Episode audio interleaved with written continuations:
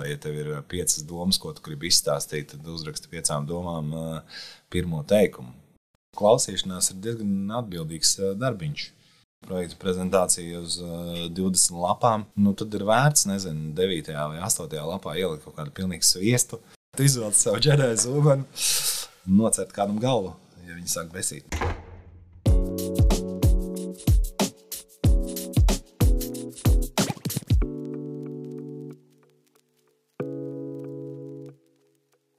Esiet sveicināti, cienījamie klausītāji! Jūs klausāties podkāstu Roklis. Šīs dienas tēma ir kā pārdot arhitektūru.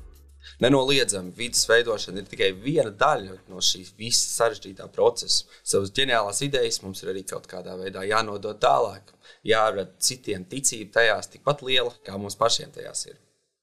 Šodien pie mums viesojas Inns Meņģelis, arhitekts, mācības spēks, sabiedriski aktīvs cilvēks, kultūra telpas smilgas veidotājs, Latvijas pārstāvs Bienālē Venecijā šogad. Vispār cilvēks, kurš ir savas profesijas fanātiķis. Sveiks, Inta! Sveiciens! Tad, kā pirmā jautājuma, es gribētu uzdot, vai veiksmi, kas ir vispār pamatā veiksmīgai prezentēšanai? Jo, cik mēs esam novērojuši, tev šīs prasmes ir tiešām lieliski padodas. Un, vai tā ir pieredze, māksla, kaut kādas teorijas apkopojums, kā tev šķiet, kas tam visam ir pamatā? Nu, droši vien katram ir kaut kāds, varbūt vairāk vai mazāk talants uz kaut kādām lietām, bet arī man liekas, ir jāpārkāpj kaut kādā ziņā pāri sev vai ir jāpamēģina to darīt. Man liekas, mēģināšana arī ir kaut kādā ziņā nu, aspekts. Tu jau nevari zināt, vai tev tajā sanāks vai nesanāks. Nu, kaut kādā brīdī es varbūt sapratu, ka uh, man tas padodas. Tas nav vienkārši, bet, uh, bet man tas vienkārši jūtos tajā komfortabli bija kaut kāds lūzuma punkts, brīdis, kad tu saprati, es saņemos, es mainos un es varu. Kad tu, es nezinu, varbūt studiju sākumā tev nebija tādas pārliecības par sevi, kā ir tagad. Mm, varbūt, ka nebija. Bet nē, es domāju, ka stāstīt kaut kādus stāstus un prezentēt, man liekas, man vienmēr ir bijis nu, nepārāk sarežģīti. Drīzāk ir bijis nu, izaugsme tajā procesā, ka tu mēģini kā, piedomāt, kā izstāstīt, vai kā kaut kādā ziņā konstruēt to stāstu. Un, uh, tu vari vienkārši labi prezentēt, bet tev arī īstenībā vajag izdarīt kaut kādu mājas darbu un uh, nu, sagatavoties vai uzlabot savējo prezentācijas prasmi. Ja tu izmēģini, tad tu īstenībā tev tas vienmēr sanāk labāk. Mm -hmm. un, uh, un darbojoties kā mācības spēks, mēs arī vienmēr ar studentiem to darījām. Nu, ja nākamajā dienā ir lielā prezentācija, tad iepriekšējā dienā tu vienkārši pamēģini, tu pamēģini noprezentēt. Tu pamēģini saprast, vai tu vari iekļauties laikā, vai tu vari izstāstīt savu domu, kas pietrūkst tavā domā. Varbūt tu, nu, man liekas, tā ir tāda tipiska kļūda, ja tev ir kaut kas nopietns jāstāsta, uh, ka tu vienkārši nepamēģini. Nu tā, tev galvā liekas, ka viss būs uh, brīnišķīgi, bet arī man ir sanācis nu, sūdīgi noprezentēt. Nu tā, es nu, neizstāstītu līdz galam tikai tāpēc, ka es neesmu sagatavojies. Nu, tā. Varbūt tev prātā ir kāds konkrēts atgadījums, fakts, tā teikt, kur uh, tomēr kaut kas nav nogājis tā kā plānots.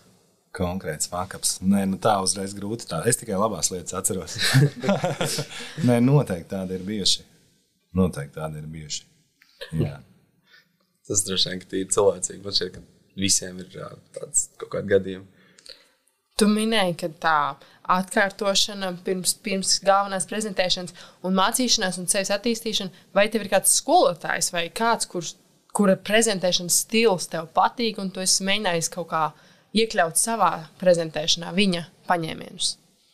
Un tā konkrēti man varbūt grūti nosaukt. Varbūt man bija viena brīdi kolēģis Bārts Melords no Beļģijas, kuram ļoti labi un viņš tā analītiski tam piegāja. No viņa es kaut kādā ziņā iedvesmojos. Bija vēl viens arī tāds vācu kolēģis, Mārtiņš Sobota, pilsētplānotājs, arhitekts. Bet viņi ir nu, arhitekti, viņi nav profesionāli prezentāciju prezentētāji. Profesionāls PPP, profesionāls prezentāciju prezentētājs. Jā, runājot par uh, skolotājiem un mācīšanos, arī tu pats esi uh, pasniedzējis Rīgas celtniecības koledžā, vai ne? Un arī bija pasniedzējis Risabā. Un, uh, studenti, mēs sazinājāmies ar studentiem, un uh, viņi minēja tevi kā arī ļoti, kā vienu no saviem mīļākajiem skolotājiem. Un, uh, viņi arī teica, ka, uh, ka, ka tev ir svarīgi atrasties starp jauniem cilvēkiem un kā, kā iegūt arī šo enerģiju. Un, uh, varbūt var pastāstīt, kā jaunieši, bērni un studenti, kā, kā arī arhitekti un varbūt pieauguši cilvēki var kaut kā mācīties no viņiem un gūt iedvesmu. Mm -hmm. Kā var mācīties no mums, vai kā mēs varam Teiksim, mācīt? Kā var, vai varbūt arī ir otrādi, vai varbūt arī tie pieaugušie var mācīties no studentiem un uh, jauniešiem, vai arī tu pats mācies no šiem saviem Nu, Pirmkārt, man liekas, vispār arhitektiem ir kaut kāda vienmēr aizdomīga vēlme uh, mācīt vai nodot kaut kādā ziņā savas zināšanas. Man liekas, nu, man ir tāds aizdoms, ka visiem ir tāda drusku kaut kāda iekšēja vēlme vai slimība. Es nezinu, grūti to pateikt. Es varu pastāstīt tikai par savu ceļu. Uh, es uh, kaut kādu laiku strādāju diezgan lielā arhitektūras birojā, kur visu laiku ir būvprojekti un visu laiku ir darbiņš, un arhitektūra tiešām ir lēna. Ja jūs vēl to nezināt, tad, tad, tad jūs to droši vien noskaidrosiet diezgan drīz, cik lēni velkās produkti, projekti. Un, man gribējās atpakaļ uz to universitātes vidi, kur ir dinamiski. Un, un kaut kādā ziņā nu, ar to tas arī sākās. Un, un Rīsava meklēja jaunas mācību spēkus. Un, uh, un es aizgāju, man liekas, ka, uh, ka tas varētu būt forši. Un tas arī ir īstenībā bija forši. Es neatceros, cik man bija tad gadi. Kaut kas zem 30. Man liekas, es jau biju pabeidzis skolu, kādus, kādus 5 gadus vai kaut kas tamlīdzīgs. Un, un man ļoti, es jūtos komfortabli tajā formātā, ka tu, un es esmu diezgan skaidri arī priekš sevis novilcis robežu, cik daudz es to varu darīt. Jo tas drusku ir tāds mecenātisms. Uh, es esmu novilcis skaidru robežu priekš sevis, lai tas mani kā, uzlādētu, arī uh, iedvesmotu, bet uh, netraucētu profesionālajai darbībai. Jo tas, ko man visvairāk patīk darīt, ir projektēt. Nu, nu tā, projektēt, dizainēt un, un tā. Nu, jā, tā tas viss sākās. Un, un tajā vecumā, kad man bija tie, nezinu, nu, labi, 30 gadi, es aizgāju pie tiem studentiem, un man liekas, es galīgi nejūtos kā, kā vecs vai kaut kā tam līdzīga. Bet uh, ir tie studenti, kas ir desmit gadus jaunāki, un tu redz, ka tā ir tomēr cita paudze ar citu pasaules redzējumu. Un arī tas ir ļoti kā, iedvesmojoši.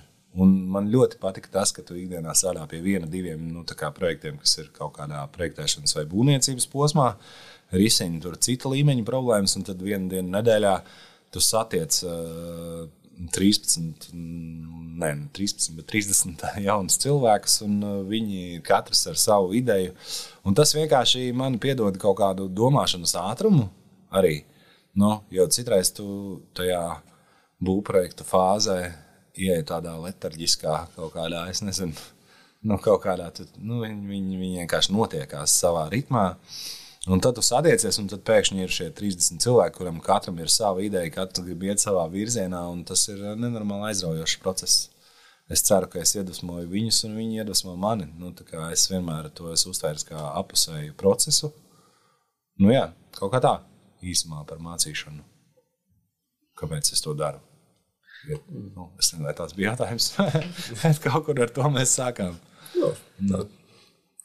Nu, labi. Tā varētu teikt, jā, nu, labi, darbiņš skolā, bet uh, tu esi strādājis arī daudzos dažādos oficisos.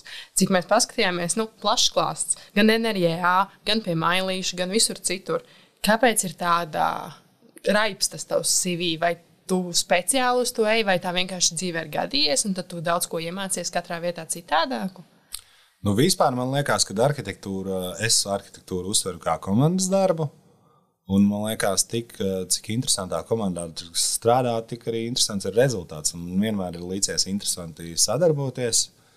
Un, nu jā, man ir, man ir līdzies interesanti domāt kaut kādā ziņā plaši. Domāt plaši, nenovilkt savu robežas. Tāpēc arī esmu strādājis ārvalstīs, realizējis projektus tur, mācījies ārvalstīs. Eh, Latvijā sadarbojies ar dažādiem projektiem. Nu, man tas laikam patīk. Es neesmu nu, kaut kā ieciklējies, ka ir jādara tikai tā, kā man liekas. Man liekas, ka uh, visinteresantākais ir kopā radīt kaut kādas lietas. Nu, tā es redzu arhitektūru kā sadarbības augli. nu, tā. Kas vēl ir interesanti, ka Intu esi arī hokejists. Jā, es uh, uzspēlēju. Un uh, vai šī hokeja sportiskā pieredze, vai tas kaut kāds uh, tā, tas domāšanas veids, kaut kā palīdz arī prezentēt labāk savus projektus. Varbūt tas ir arī kaut kāda panākuma atslēga, tas sportiskums un nedaudz azarts. Nu, hokejs ir uh, iedvesmas avots. Nu, es atceros, es, kad biju mazs, es dzīvoju vietā, kur apkārt bija kaut kādi 5, 7 dīķi, nu, dīķi vai ezeri. Un, uh, tur galvenais, īstenībā, galvenais jautājums vasarā bija, uz kuru no dīķiem iet peldēties, un, uh, un ziemā galvenais jautājums, kur notīrīt hokeja laukumu. Tā tas vienmēr uh, ir bijis tāda lieta, kas uh, man ir aizrāvusi. Un, uh, nu, es neesmu profesionāls hokejists. Nu, nu, jā, bet uh, entuziasts. entuziasts. bet es varu pastāstīt vienu leģendu, starp citu, varbūt jūs to zinat. Nu, gan jau, ka jūs zinat, bija tāds arhikāls, es nezinu, vai viņš tagad vairāk neeksistē. Uh, bija pāris entuziasti, kas taisīja uh, hokeju arhitektiem. Nu, kā, un pirmais, kas manuprāt bija vispār uh, leģendārs un episks, uh, notikās uz Zunda kanāla starp, starp Rīsebu un starp, starp RTU.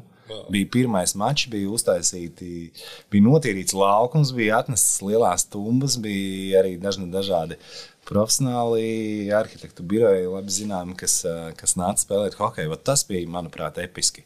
Pēc tam vēl pāris gadus viņš notikās, tad viņš notikās kaut kur mm, kaut kādā olainas, nezinu, vaļējā, kaut kādā dīvainā iestādījumā. Nu, Restīvi, tur tas skaistums pazuda, bet pirmais kauss bija vienkārši, nu, manuprāt, episks un uh, leģendārs notikums. Uh, kurš varbūt kādreiz vēl izcelsies sālītē. Tur arhitekti taisīja, nezinu, arī pēc tam lazerēja kausu un taisīja. Un vienkārši nu, bija pāris, pāris tādi entuziasti, kas, kas tā kā spēlēja.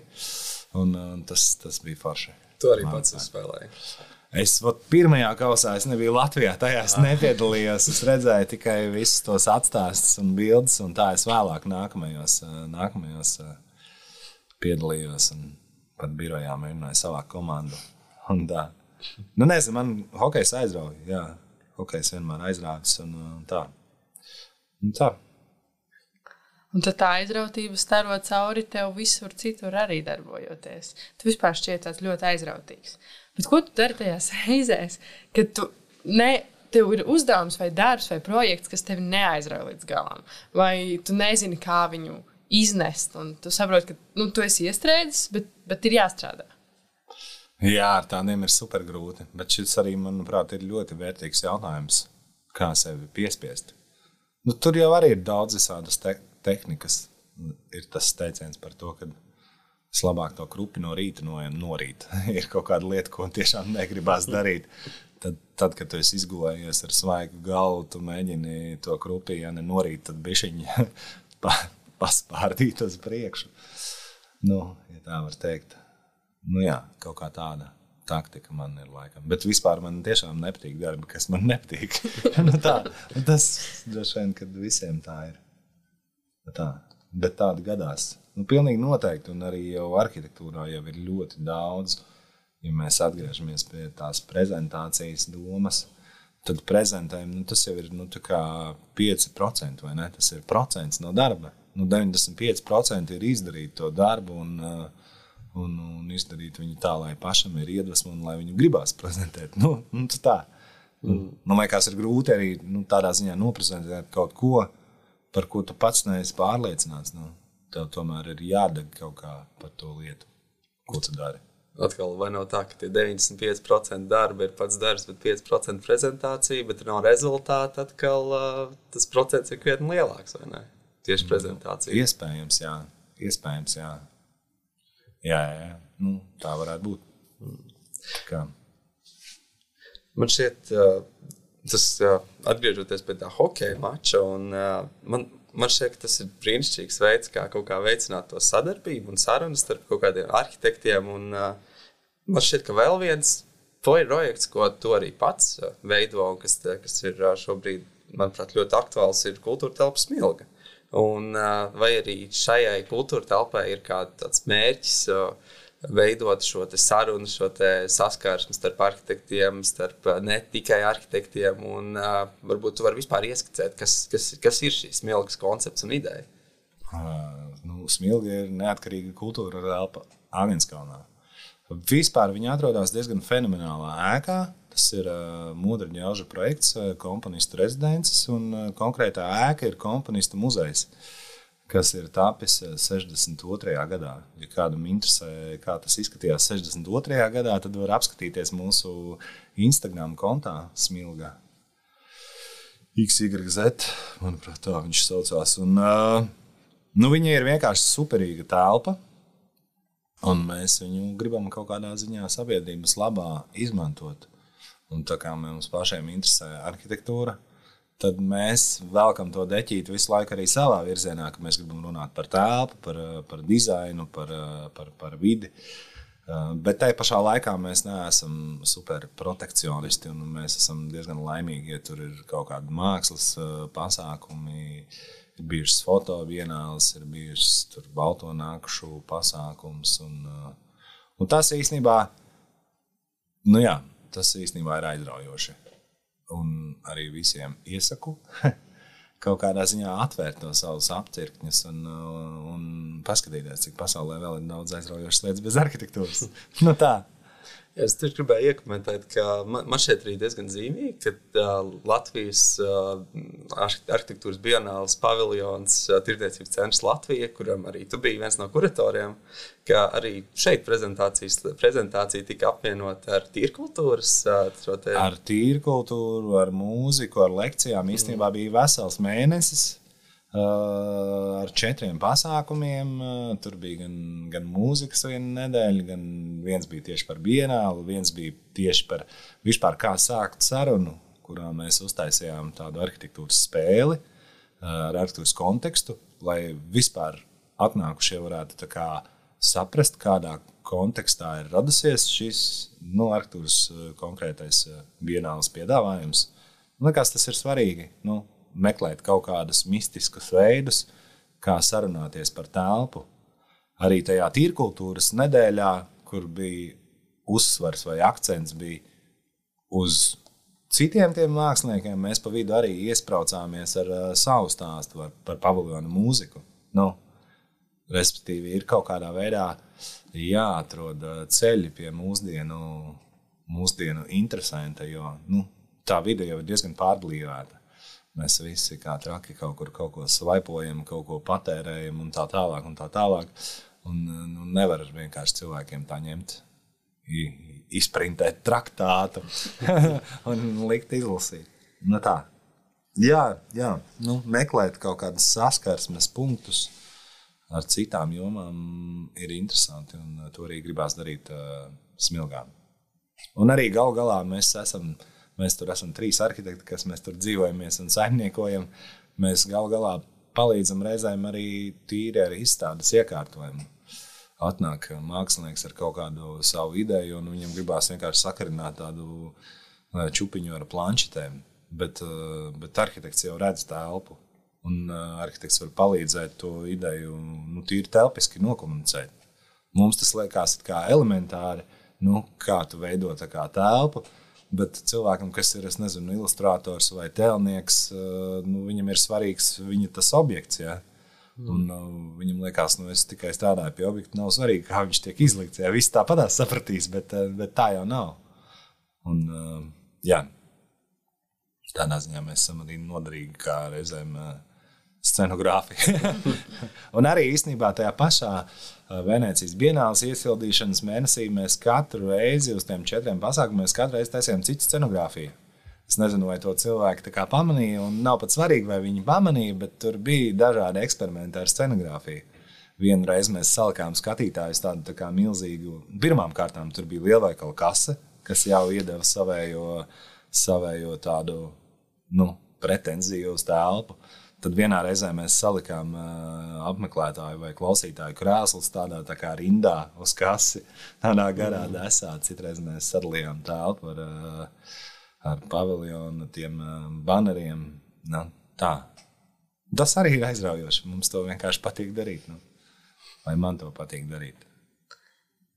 Un tad sanāk tā izbaudīšana, un, uh, un tas dod vēl iedvesmu. Un tu minēji, ka jums bija svarīgi ar to paviljonu domu nodot pārējiem ideju, kāpēc un kā tas ir. Kā tas šķiet, vai arī par lieliem projektiem, ko būvē, vai konkursiem. Vai publikai ir jāsaprot, kas tas ir un kāpēc tiek būvēts tāds, jo citādi mēs tā spriedām. Rodas visi negatīvie komentāri, tad, kad kaut kas jau ir uzbūvēts. Bet mhm. uh, idejas kārtā nevienam tas vēl nerūp, jo tas tur nav uzbūvēts. Vai ir svarīgi nodot to vēstījumu sabiedrībai? Protams, man liekas, nu, tas jau ir ierakstīts gan nezinu, būvniecības likumā, būvniecības principos, gan Davas deklarācijā.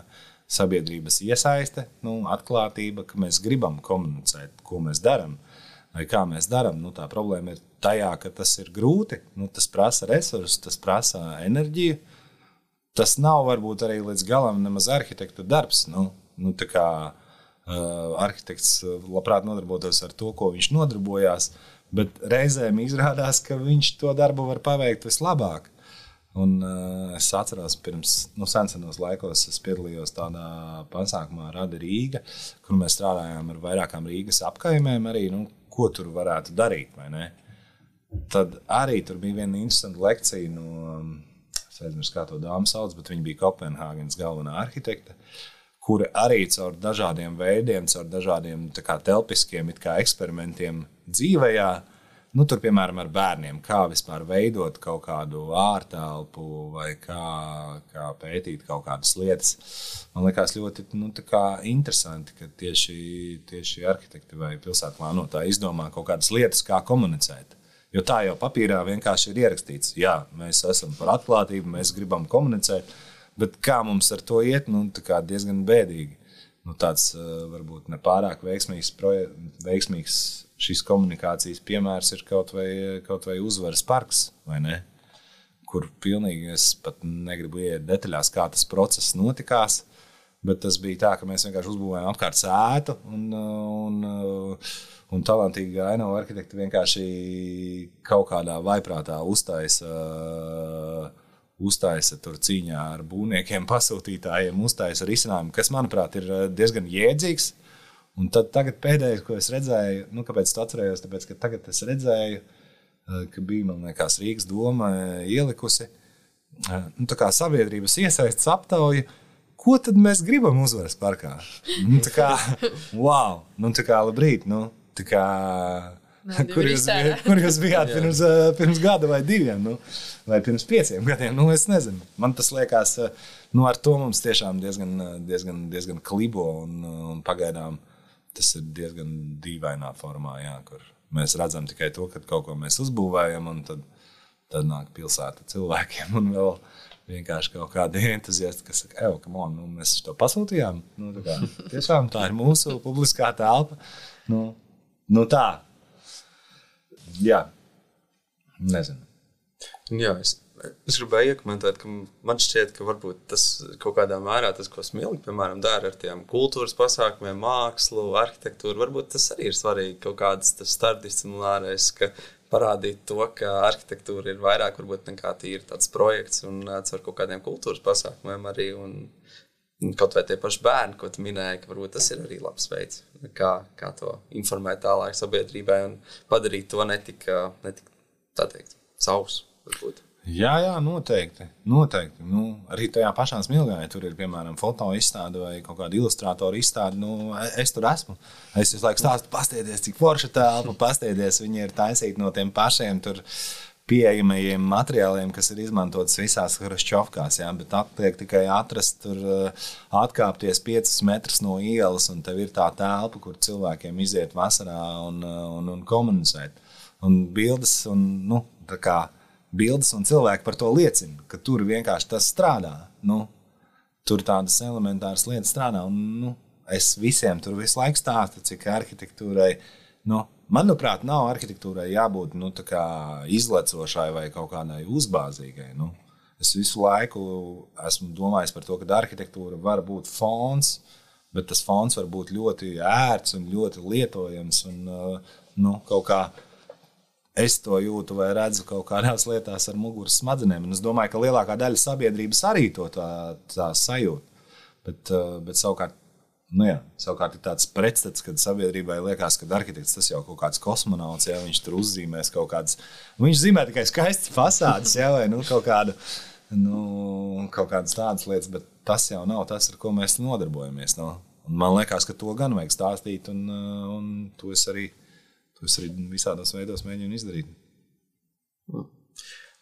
Man uh, paturpinot vēl šo domu par to arhitektu, kas nodod to informāciju tālāk plašākai sabiedrībai par to ēku, par to fonu, kā viņu piepildīt un tas, ko tu teici. Vai tu piekrīti to, ka arhitektam varbūt ir jāmācās kļūt nedaudz par influenceru? Varbūt mums ir jāuztais TikTok konts un jā, vai kaut kāda cita platformas un jādomā, kā kļūt par tādu kā starpnieku starp to nezinu, lietotāju un to, to, to, to visu to vidi. Mierīgi. Nu, man liekas, mierīgi. Nē, nu to, jo vairāk mēs paši stāstīsim par vidi kaut kādā veidā, cilvēkiem saprotamā veidā, jo labāk mums pašiem, jo izglītotāks būtu mūsu kā, pasūtītājs. No tā. Nu, kuram arī vienmēr ir būvniecības ierosinātājs. jo nu, kaut kādā veidā jau kā tad var nonākt līdz tai informācijai. Jā, nu, mums ir jāizglītojas, nezinu, caur TikToku vai vienalga, vienalga ko. Man liekas, ka jā, forši. Man liekas, ir jārunā par to. Bet vai nerodas tāds šķērslis šai visai runāšanai, ja arhitekts sajūtas kā tāds augstāks stāvošs un nespēja nolaisties tādā ielas līmenī, kur ir visi cilvēki, kas redz visu ar vienkāršām acīm? Vai tad mums tur nerodas tāda barjera? Varbūt tev ir kaut kāds idejas, kā mēs viņu varētu tā kā, tā kā ledu salauzt starp, starp šīm divām jomām, kas ir cilvēki Jā. visi, jo arī arhitekti ir cilvēki. Jā, reizēm ir cilvēki. reizēm nav. Nē, man liekas, tas ļoti, ļoti labs jautājums. Uh, un tas arī kaut kādā ziņā ietvēra to domu par tām parastajām lamatām, kurās arhitekts iekrīt. Ar, ar to domāšanu, ka mēs jau zinām labāk. Mēs zinām, kā jums lietas būtu jādara. Ja? Mēs jums tagad parādīsim. Un, uh, un kā reizi tas varbūt arī piemērs velk drusku uz to Latvijas paviljonu Venecijas Bienālē. Tirniecības centrs Latvija, teica Elija. Kur mēs izlēmām apzināti, mēs izlēmām kļūt par veikala darbiniekiem. Jo, ja arhitekts runā par, par citiem arhitektiem vai par vidi, tad tas vienmēr ir ļoti nu, slidens ceļš. Mēs izdomājām, ka mēs kļūstam par kaut ko citu. Nu, gluži kā aktieri izrādē kļūst par kaut kādiem tēliem, mēs kļuvām. Es jau aizmirsu, kas tas bija. Noliktavas pārziņas vai, vai nu, visi mums tur pārdevēja un gaļas nodaļas uh, boss. Tad, kad tu kļūsti par to citu, tev īstenībā ir vieglāk runāt. Nu, tev ir vieglāk runāt par lietām, kurām tev no arhitekta visu zinošā, gudrā, brīnišķīgā pozīcijas ir uh, grūti runāt. Bet tu vari paņemt kaut kādu citu lomu un runāt ar to. Nu tā, to mēs izdarījām kaut kādā ziņā. Tas bija mūsu tas, uh, pieejams, uh, kā komunicēt. Nu tā. Mm -hmm. Man šķiet, ka es gribēju jā, teikt, ka tirdzniecības centrs Latvijā ir tāds arī, kāpēc viņš arī diezgan veiksmīgi startēja. Tāpēc, ka, manuprāt, ka tur ir tāda ļoti tāda cilvēcīga tā visa tā vide un veikals, un tas kaut kas varbūt tāds zināms ir. Un, uh, varbūt tieši šīs cilvēcības, vai piekrīt, ka viņas varbūt trūkst arhitektiem kaut kādas. Un, jā, jā. Mm. Nu jā, veikals ir tāds Latvijā, tāds pats kā Japānā un tāds pats kā Argentīnā. Nu, tā bija vienkārši tāda visiem saprotama forma, caur kuru runāt, lai nav jātaisa tas ievads mēs te tagad runāsim par to, un tā, tā tu ienāc kā veikalā, tev veikals ir saprotams, tu zini, kā par viņu pārvietoties. Un mums bija vispār arī aizraujoši paši to, paši to paskatīties uz veikaliem. Nu, jo mēs kaut kādā procesā sapratām, ka nu, nav tā, ka kāds būtu uztvēris veikalu kā mākslas uh, objektu vai ne. Ir kaut kādi atsevišķi gadījumi, kur tas ir izspēlēts. Uh, bija viena, man liekas, uh, vai nu ir mākslinieks, kas bija uzadījusi veselu veikalu. Bet, uh, un vēl vis kaut kādi interesanti, interesanti piemēri ir atrodami. Bet, nu, jā, vajag paskatīties īstenībā apkārt. Nu, mēs visi lietojam veikalus, bet vai mēs kāds uztveram veikalu kā telpu, kā arhitektūru? Un arī paskatīties jēdzīgu veikalu piemērus, kuri arī īstenībā netrūkst. Ir, uh, nu, jā, mums tas bija aizraujošs process, nu, paskatīties uz kaut ko tik kā utilitāru, tik kaut kādu tā kā. Ai, nu kas tad tas ir? Nu, tas tā kā, es nezinu, nu, kāda nozīme, kādas zeķes tur dienā vēl skājās, vai ne? Bet ir jau nozīme, kādu veikalu mēs ikdienā lietojam, ja? Un tur ir diezgan daudz, kur, diez, diezgan daudz, kur augt. Un, un mēs noteikti no to visu tēmu jau nepaspējām paņemt un nevarējām tā kā paņemt. Nu, Tu minēji, ka, um, ka veikals tas ir tāds saprotams mums visiem. Varbūt jūs kādreiz fantāzējat vai aizdomājies, ko darīt ar tādiem objektiem, kas visiem nav viegli uztverami, saprotami, bet kur ir vajadzīga tā sabiedrības iesaiste, lai beigās uzvarētu kaut vai konkursā labākais, nevis lētākais, jo kvalitāte maksā. Varbūt tu esi fantāzējis vienkārši, kā mēs varētu sabiedrībai parādīt, ka hei, mums vajag kvalitāti. Mm -hmm. Jā, tas ir diezgan sarežģīts jautājums. Es nezinu, kurā virzienā mēs ar viņu nonāksim. Bet, um, nu jā, kvalitāte ir grūti izmērīt. Kvalitāte vieglāk ir sajust, nevis izmērīt. Kaut kā, nu, droši vien jau ka var salikt kaut kādas objektīvas, uh, objektīvas lietas, kā to mērīt. O, es nezinu, šo jautājumu nav viegli pacelt. Nav viegli pacelt. Ir vieglāk nolikt. es viņu laikam arī noliktu. Vienkārši man šķiet, ka ja mēs drusku vairāk uh, audzētu to uzticību viens otram, nu, kaut kādā ziņā, uh, nu, ja mēs uztvērtu viens otru kā visi ir izglītoti cilvēki, kuri vēlās nonākt labākajā rezultātā, varbūt visiem uh, būtu kaut kādā ziņā vieglāk. Pagaidām ir tā, ka es nezinu, tur kaut kādi ierēģi, juristi, viņiem liekas, ka viņi zina vislabāk un viņi taisīs brīnišķīgākos uh, konkursa nolikumus, no kuriem visiem paliek slikti. Ja? Un, un, un, un tad otrā pusē ir arhitekti, kas atkal tur ir nelaimīgi, un trešajā pusē ir vēl kaut kādi tur nezinu. Nu, jā. Super laba lekcija, man liekas, par, par konkursiem un kā konkursos sasniegt uh, labu kvalitāti, kuru es dzirdēju jau otrais, jo iepriekšējais viņu redzēju, dzirdēju tajā Rada Rīga pasākumā pirms, uh, pirms gadiem. Uh, desmit. Kristiāna Bareta lekcija uh, šogad bija Latvijas arhitektūras uh, Badagalvas pasākumā. Ļoti laba lekcija. Kā vispār pilsēta, viņš, kur viņš bija Gentē vai, vai Antverpenē, galvenais arhitekts, un kā viņi mēģina nonākt līdz labam rezultātam caur konkursiem, kā viņiem tas izdodas.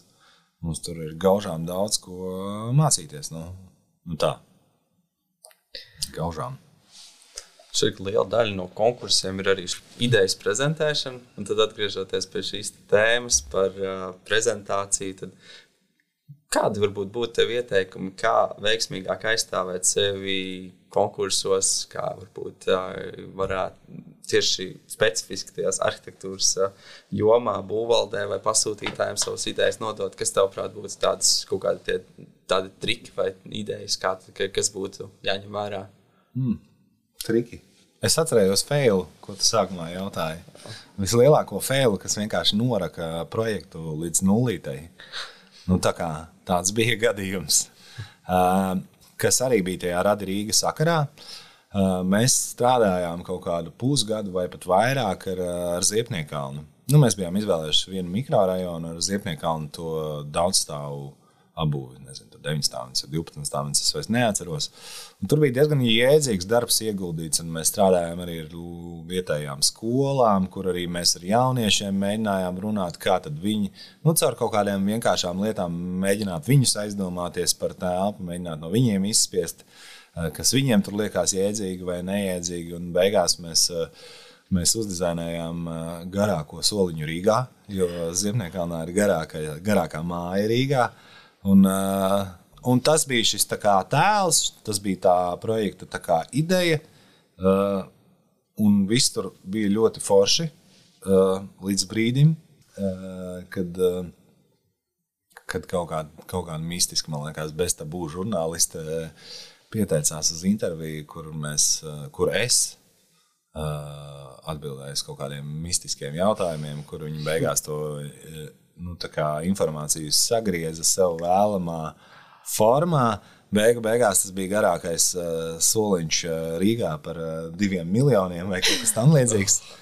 Bet īstenībā nu, tā bija veselas ielas rekonstrukcija, nu, 500 metru garumā.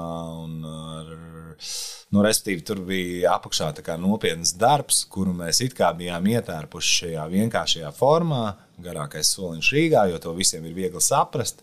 Bet, ja kaut kāda lēta, lēta tur, nezinu, sauksim to par dzelteno presi, nu, to procesu pagriež savā, savā kaut kādā tajā tīzlajā mērcē, tad viņi var vienkārši norakt, nu, norakt līdz nulītei. Tur bija, nezinu, tur bija skandāls, tas bija bez tabū. Vai kaut kādā tam līdzīgā raidījumā. Nu, Un tur bija pēc tam arī nezinu, tā laika Rīgas mērs, kurš, kuram bija jātaisnojas. Tas viss nu, kaut kādā pilnīgā failā nokļuva. It kā no labas idejas sakārtot centrālo kā, telpu uh, mikrorajonā, kurš ir vienkārši kur ir uzbūvēts tikai mājas, kur nebija pat ielu seguma tajā brīdī. Nu, nu, kā, jā. Un tad bija interesanti vienkārši redzēt, ka tu esi tajās, un arī šur tur ir gadījies tā, ka tu esi abās pusēs. Tu esi tajā pusē, kur tu zini, kā tas ir. Tad tu zini, kā tas tiek nodots mēdījiem, un tad tu zini, kā mēdīji to ataino. Nu, beig, beigās tur visāda vieta.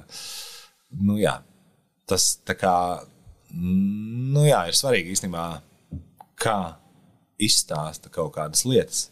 Jo reizēm nu, skaidrs, ka cilvēkiem nepatīk nekas jauns. Nu, kaut vai viņam noliek jaunu miskasti, viņš arī atradīs jaunu miskasti uz savas ielas, ka tur ir problēma, ja ka kāds aizmet garām vai nu, kaut kas tāds, lai gan iela paliek kopumā tīrāka. Nu, cilvēki negatīvi, man liekas, var uztvert jebko, bet man liekas, tā negatīvā uztveršana ir tīri aiz nezināšanas vai nesaprašanas. Nu, tas tāpatās kā bērnam, tu piedāvā nu, uztaisīt kaut kādu jaunu zupu. Viņš saka, nu, kas tas tāds nav īstā krāsa. Ja? Man nepatīk, nu, lai gan viņš viņu nav pat pagaršojis. Tā kā jā, skaidrot ir uh, super, super svarīgi. Ir svarīgi veltīt tam laiku un, un resursus. Tāds fails man gadījās. nu, labi, bet, lai skaidrotu, ir jāmāk runāt. Un uh, runāt. Tad, kad tu runā, tu izvēlies valodu attiecībā pret auditoriju, piemēram, tu pielāgojies, ka tev ir mazāk specifisku jēdzienu, ja tev ir publika, kas nav jomas speciālisti, vai, vai ir kaut kāda nianses, kuras tu ņem vērā tieši izmantojot valodu un runas stilu. Mm -hmm. nu, man liekas, te var paņemt tikai nezinu, rules of thumb vai kaut kādus principus, pēc kuriem vadīties, bet tādu kaut kādu konkrētu recepti jau tur droši vien grūti atrast. Ir svarīgi paturēt prātā to, ka uh, tev ir jāciena nu, cilvēks, kuram tu kaut ko stāsti. Vai viņš ir izglītots vai neizglītots, tev viņš vienkārši ir jāciena un jāizturās pret viņu ar cieņu. Nu, tas attiecīgi arī ietver to, ka tu viņu nečakarē ar kaut kādām gudrām frāzēm vai, vai, vai, vai tam līdzīgi. Nu, īstenībā, darbojoties arhitektūrā, arī ir ļoti labs uh, treniņš tieši prezentācijas vai domas nodošanas uh, prasmēm. Tādā ziņā, ka uh, vienā būvlaukumā, nu, tajā pašā Šanhajas ekspo gadījumā, vienā būvlaukumā tu tiecies ar būvfirmu vadītājiem, kas, kas nu, kuriem pieder pusšankai, un, un otrā brīdī tiecies vienkārši ar būvnieku, kas tur uh, kas no koka grebi kaut kādas dībeļus un, un ēd turpat būvlaukumā uz vietas. Un tev ar viņiem visiem ir jāsarunā. Nu, droši vien visa pamatā ir tas, ka nu, neatkarīgi no tā, kādā situācijā tu esi nokļuvis, tu esi tomēr cilvēks. Un, Un man kā arhitektam ir svarīgi nu, cienīt uh, visu šo spektru. Nu, un tiekamies mēs ar super, super dažādu spektru. Un tas man liekas arī ļoti aizraujoši. Mēs tiekamies ar, ar uh, ļoti nezinu, bagātiem cilvēkiem. Mēs, cilvēkiem mēs tiekamies ar ļoti profesionāliem cilvēkiem, nu, kā dažādi citi inženieri vai dažādi citi arhitekti. Mēs tiekamies ar nu, pavisam vienkāršiem cilvēkiem. Man liekas, ka svarīgi ir viņus visus uh, uztvert un nu, kaut kādā ziņā cienīt un ieklausīties viņos. Tas arī īstenībā ir svarīgi. Arī prezentējot, ir svarīgi nu, kaut kādā ziņā veidot saikni un mēģināt ieklausīties, ko no tevis vispār gribas sadzirdēt. Jo, nu, ja tu esi pārāk aizrāvies ar savu stāstu, iespējams, ka tas arī, zin kā, mūsdienās taču var iebāzt visādas austiņas un neklausīties, ja negribas. Šeit liela daļa no prezentācijas ir arī šis tēls, šis cilvēks, kurš stāsta informāciju. Nepavēlti mēs tomēr uz, kā, uzticamies cilvēkiem, kas ir formas starpos un tā tālāk. Un, uh, ko man šķiet, ka pēc pirmās vai otrās reizes redzot tevi uzstājoties, ievēro, ka tev ir vienmēr šī dzeltenā cepurīte. vai tas ir kāds tavs formas tēvs, vai tas ir ar domu, un kaut kāds apakšā tam ir kaut kāds stāsts, vai kāpēc? Nē, nu man ir gari mati. Tas ir ēr, ērtuma un siltuma vilnas cepuri. Vilnas cepuri. Tas nav mans kaut kāds. Es varētu nozīmolot cepuri. Un tirgot. Ja jūs gribat prezentēt tā kā es, jā, lūdzu, ir šis te mērķis, dzeltenās vilnas cepurītes, kurās ziemā ir ļoti silti un, un tā. Nē, nē, nu vienkārši man viņai ir ļoti ērti. Nu tā. Bet pat ne tikai ziemā, mēs tevi redzējām lidojumā Jā, no Venecijas, un tev arī bija kaut kāda zeltaina cepura. Jā, bet jūs nevarat iedomāties, cik Venecijā bija tik uh, drāmīgs tas pirmais iespējas. Jo nu, tad, kad mēs uh, braucām šogad, mēs braucām māja sākumā, un parasti Eiropā tajā māja sākumā, nu, tur viss saka, jā, tur jau ķirši zied, un var tur jau lasīt ķiršus un viss forši. Bet tas bija kaut kāds, mēs aizbraucām, bija vispār. Uh, nu, bija jābūt labam laikam. Ja? Mēs bijām ar to rēķinājušies. Mēs atbraucam, mēs vēl kaut kāds bija ļoti agrs lidojums, un mēs tur, protams, kaut ko bijām darījuši un neizgulējušies. Un tu aizbrauc no rīta, un tu kaut kādos 9 vai 10 es tajā Venecijā, un tur, tur vienkārši simtprocentīgs lietus. Vienkārši visu dienu līst. Nu, tāds kaut kāds, oh, Dievs, nu, es to atceros kā kaut kādu ļoti, ļoti sliktu sapni. tā pirmā diena. Tā kā varbūt, nu, no, tad es sapratu, ka tādu saprīti nevar vilkt nost. Jā, nu, un, bet tad jau iesila, un tad jau parasti tā bija, nu, vienās atklāšana jau parasti ļoti foršs laiks. Un, un tā. Bet man bija arī lielveikala saprīti. Kā, to es arī, arī nevilku nost. man vispār patīk ceparis. Nu, tā. Cepura līnija tur varētu tapt. jā, jā, cepura. es kaut ko. Jā, jā. Bet, uh, ir, varbūt ir kaut kādi ieteikumi, kā iepriekš sagatavoties, kā veidot savu tēlu, un cik ļoti tas vispār ir svarīgi tieši prezentēšanas laikā, lai tu justos drošāk vai lai tev ticētu. Jā, man liekas, pirmām kārtām vajag iedot sev ierobežojumus. Nu, visvieglāk ir eh, kaut ko izdarīt, ja ir kaut kādi ierobežojumi. Un arī studentiem mēs par prezentāciju runājot, mēs visu laiku mēģinājām likt uh, ierobežojumus, jo tad ir vienkāršāk sakoncentrēties. Nu, piemēram, tev var būt prezentācija, bet prezentācijā var būt tikai pieci slaidi vai septiņi slaidi. Līdz ar to ir kaut kāds ierobežojums. Nu, protams, ka studenti mēģina vienmēr uzkarakot šo sistēmu un vienā slaidā salikt desmit slaidu informāciju. Nu, tas, tā kā, tas tā var būt. Bet ir arī laiks, piemēram, nu, ka tev ir jāizstāsta savs nezinu, stāsts, piemēram, piecās minūtēs. Nu, tas arī strādā. Pat ja tev dzīvē ir desmit minūtes, mēģini, mēģini ielikt sev kaut kādu ierobežojumu tu gribi izdarīt to piecās, un tad jau viss kaut kas var gadīties, un beigās tev tiešām būs tās desmit minūtes tas stāsts. Nu, es jau teicu par sagatavošanos. Arī man liekas, ļoti svarīgs aspekts. Tomēr ir, eh, nu, kurš raksta runu? Neviens. bet, bet svarīgi ir tomēr eh, uzrakstīt, vai svarīgi ir uzrakstīt atslēgu vārdus, vai nu, kaut vai, ja tev ir piecas domas, ko tu gribi izstāstīt, tad uzraksti piecām domām eh, pirmo teikumu. Nu, Tālāk jau, tu, protams, pieminēsi vai nepieminēsi, vai izstāstīsi visu savu detalizēto informāciju, ko tu gribi izstāstīt. Bet tu būsi pateicis pirmo teikumu, un to pirmo teikumu jau cilvēki, nu, ja ne visi, tad to gan viņi noklausīsies. Nu, un tu jau būsi nu, izdarījis sev kaut kādu savā labā kaut kādu darbiņu. Nu, tā, mājas darbiņu. Ko darīt, ja publika neklausās vai guļ tavas prezentācijas laikā, vai ir kaut kādi kādas frāzes, kas atmodina, vai citi paņēmieni, vai vienkārši, ja grib gulēt, tad labāk, lai izguļas? nu, es pats gulēju. Es, es atceros, kad es uh, senos laikos mācījos Latvijas valodas skolotājā, bija tāda bilde, kur sēž pirmajā, pirmajā rindā un vienkārši guļ. Nu, tā. Nē, nu, man liekas, nevajag čakarēt cilvēkus. Miegs ir svēts. Ja cilvēks ir neizgulējies un nomocījies, lai viņš labāk vienkārši nu, guļ, nu, tev no viņa nebūs nekāds labums, ja viņš būs nomodā. Viņš tāpatās neko nedzirdēs. Nu, lai viņš guļ un netraucē. Bet, uh, bet ritmam ir nozīme. Man liekas, ir svarīgi, ko arī prezentētāji bieži vien aizmirst. Kad, uh, ir svarīgi ļaut kā, kaut kādā ziņā auditorijai atpūties vai attālpoties. Nu, mēs nevaram noklausīties lekciju divas stundas uh, pēc kārtas. Arī es, es domāju, ka arī šo, šo podkāstu nevar iespējams noklausīties nu, tā kā līdz galam. Tu noklausies, tad uzliec pauzi, pauzi ievelc elpu un pieslēdzoties no jauna, man liekas, tas nu, saturs arī būs kvalitatīvāks. Nu, tā. Tā kā nevelti kāds ir izdomājis tās akadēmiskās stundas. Nu, tas tā kā kāds izdomāja septiņas dienas nedēļā, un kad vienu vai divas mēs atpūšamies, nu, tas vienkārši strādā. Ja tu strādā, nu, nezinu, 20 dienas pēc kārtas, bez atpūtas, nu, vienkārši tā darba ražība nu, nu, nav. Nu, arī diplomāti, ja, kas tagad šajā laikā mocās.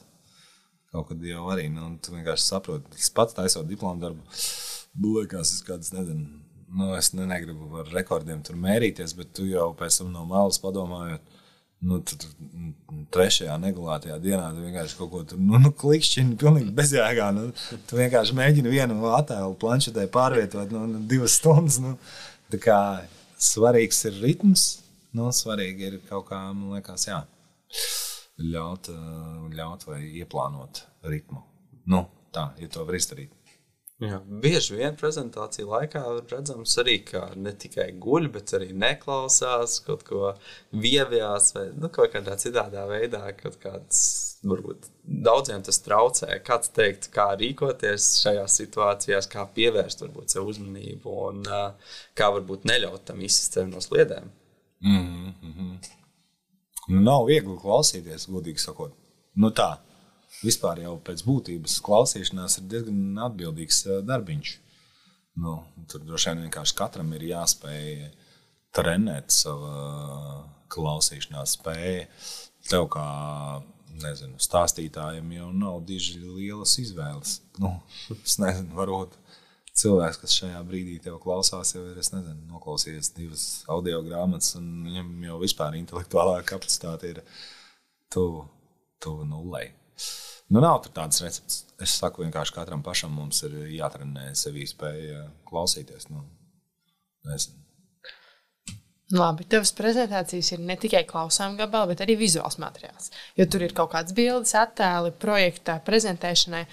Un uh, tu esmu pamanījis, tu izmanto arī ģenerētus attēlus, ko ģenerē mākslīgais intelekts. Vai ir vēl kaut kas, kas tavas prezentācijas var ko tu iz, izdomā, ka tas prezentāciju padarīs, padarīs atšķirīgu, īpašu, izteiksmīgu? Mm -hmm, mm -hmm. Uh, jā, nu, arī nav droši vien ģeniālas kaut kādas receptes, bet, uh, bet man liekas, tā pašam jābūt interesantai. Nu, kā, kā viņi izskatās. Es uh, citreiz. Uh, Citreiz es salieku, piemēram, nezinu, ar kādu projektu prezentāciju uz uh, 20 lapām. Nu, tad ir vērts, nezinu, 9. vai 8. lapā ielikt kaut kādu pilnīgu sviestu, lai tev pašam būtu pārsteigums un nu, iespēja pamosties no nu, kaut kā. Nu, tā, tas arī reizēm nu, strādā. Nu, jā. Iespējams, ka joks vai kaut, kāds, kaut kas tāds, kas mums bija izsit no robežas, ir tas, kas uh, palīdz reizēm uh, uzturēt uzmanību. Jo tā jau mēs esam super nopietni, vai ne? Mēs esam nopietnības pavēlnieki, bet, bet nu, kaut kādā ikdienas komunikācijā jau ir svarīgi, ka mēs nezinu, pasmaidām, vai ieskatāmies acīs, vai pajokojam, vai nu, nu, kaut kā jābūt labai videi. labai sarunai jābūt labai videi. Nu, tā.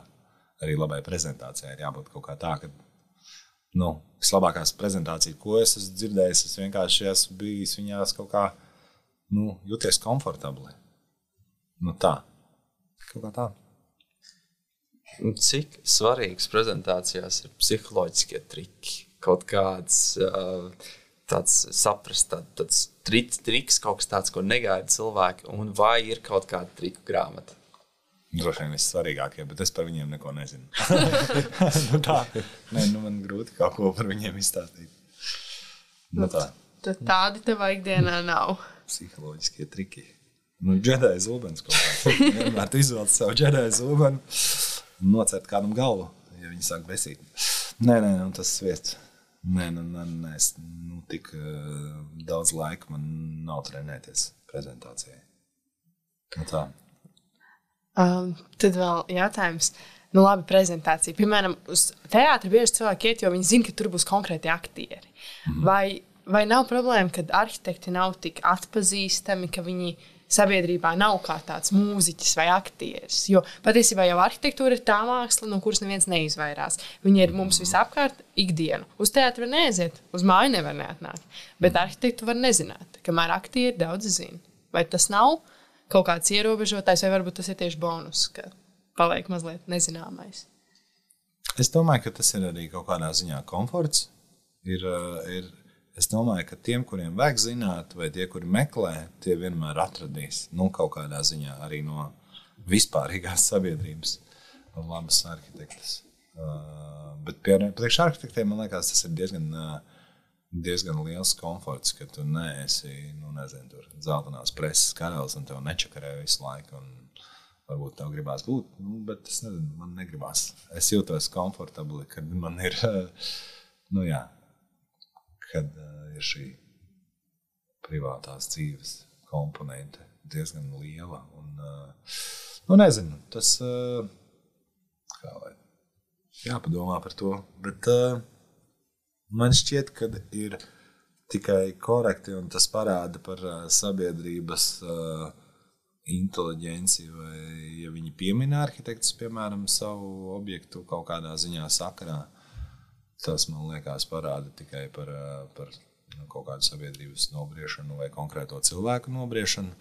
Jo cik es esmu bijis ārvalstīs, tas vienmēr ir ticis pieminēts. Nu, man liekas, ā, nezinu, atver Kanādas paviljonu, tad vienmēr piemin, kas ir paviljona autors un arhitekts. Nu, mēs reizēm varam kaut ko atvērt, un, lai uzrakstītu kādu rakstu un, uh, un drusku piemirst. Bet nu, tā ir vienkārši nezinu, žurnālistu kaut kādā ziņā uh, nu, nezināšana vai neprasme. Vai, nu, tā kā, viņi arī vēl mācās. Nu, nu, tā. Kaut kā tā. Mēs gribam īsti, jā, mēs gribam noslēgumā iedot vienu praktisku uzdevumu. Nu, nu. Tātad uh, mums skatītāju uzziņai, tātad šobrīd uh, Intām tiek parādīts rokturs. Tātad mm pavisam parasts rokturs no durvīm. Nu, Šis nav parasts, šis ir zelta. zelta. Labi, labi. Lēprātīgs rokturs. Bet... nu, nu, labi, piedodies. tev. Tātad jā, zelta vaiprātīgs rokturs. Un uh, apkopojot šodien dzirdēto, prezentēšanas prasmes, prasmes pārdot idejas un ļaut citiem tās dzirdēt. Ints, es gribu, lai tu liec mums noticēt, ka mums šo rokturu vajag iegādāties. Ak, Man dzīvē, jā. Nu, iespējams, ja jūs šo rokturi ieraudzīsiet, jūs paši sapratīsiet, ka tas ir jūsu rokturis. Um, visādi citādi, es nezinu, vai katram tādu rokturi vajadzētu. nu, tā. Tas ir, nu, tas ir, mm, labi, tu vēlreiz pamēģināsim. Tas ir no zelta, tas spīd un laistās. Viņš neatstās jūs vienaldzīgus. Ja tas bija jūsu rokturis, jums tādu vajag. Nu, kaut kā tā. Paldies, tev, Int, par šo drosmīgo mēģinājumu. Un mūsu podkāstu sērijas beigās mēs vienmēr pajautājam vienu un to pašu jautājumu. Kas ir arhitektūra? O, izcils jautājums. Arhitektūra ir lieta, ar ko es nodarbojos. Un diezgan aizraujoša lieta. Mm. Kas ir arhitektūra? Es vēl meklēju jautājumu uz šo atbildi. Uh, arhitektūra ir aizraujoša. Īstenībā nav profesijas aizraujoša lieta, ar ko nodarboties. Es Nezinu, kaut kā tik vienkārši. Vides māksla. Mēs reizēm, varbūt, kā arhitekti, neapzināmies, cik ļoti mēs varam kaut kādā ziņā transformēt vidi, pārveidot, nu, radīt iedvesmojošu vidi. Mēs kaut kā reizēm palaidām garām, cik tā tomēr ir nozīmīga lieta. Nu, tā paši jau mēs to zinām, ka tas ir vissvarīgākais, kas uz pasaules ir.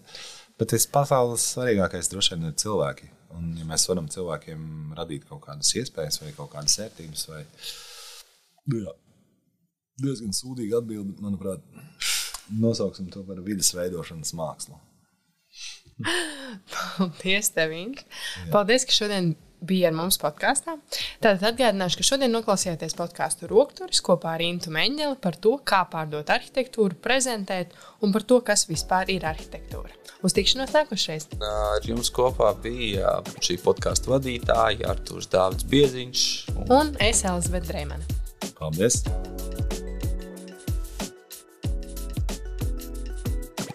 Nākamajā epizodē kopā ar Brigitu Bulu mēs noskaidrosim jūtīguma, smalkuma un sievietes niansētā pieskāriena lomu arhitektūrā. Jūs klausījāties podkāstu Rokturis.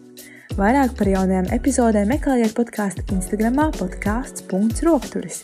Podkāstu veido Alisa Grebiņuka, Elzbieta Dreimane, Artūrs Dāvids Bieziņš, Marija Ozola, Dominiks Cipkins un Doms Martins Šaķis.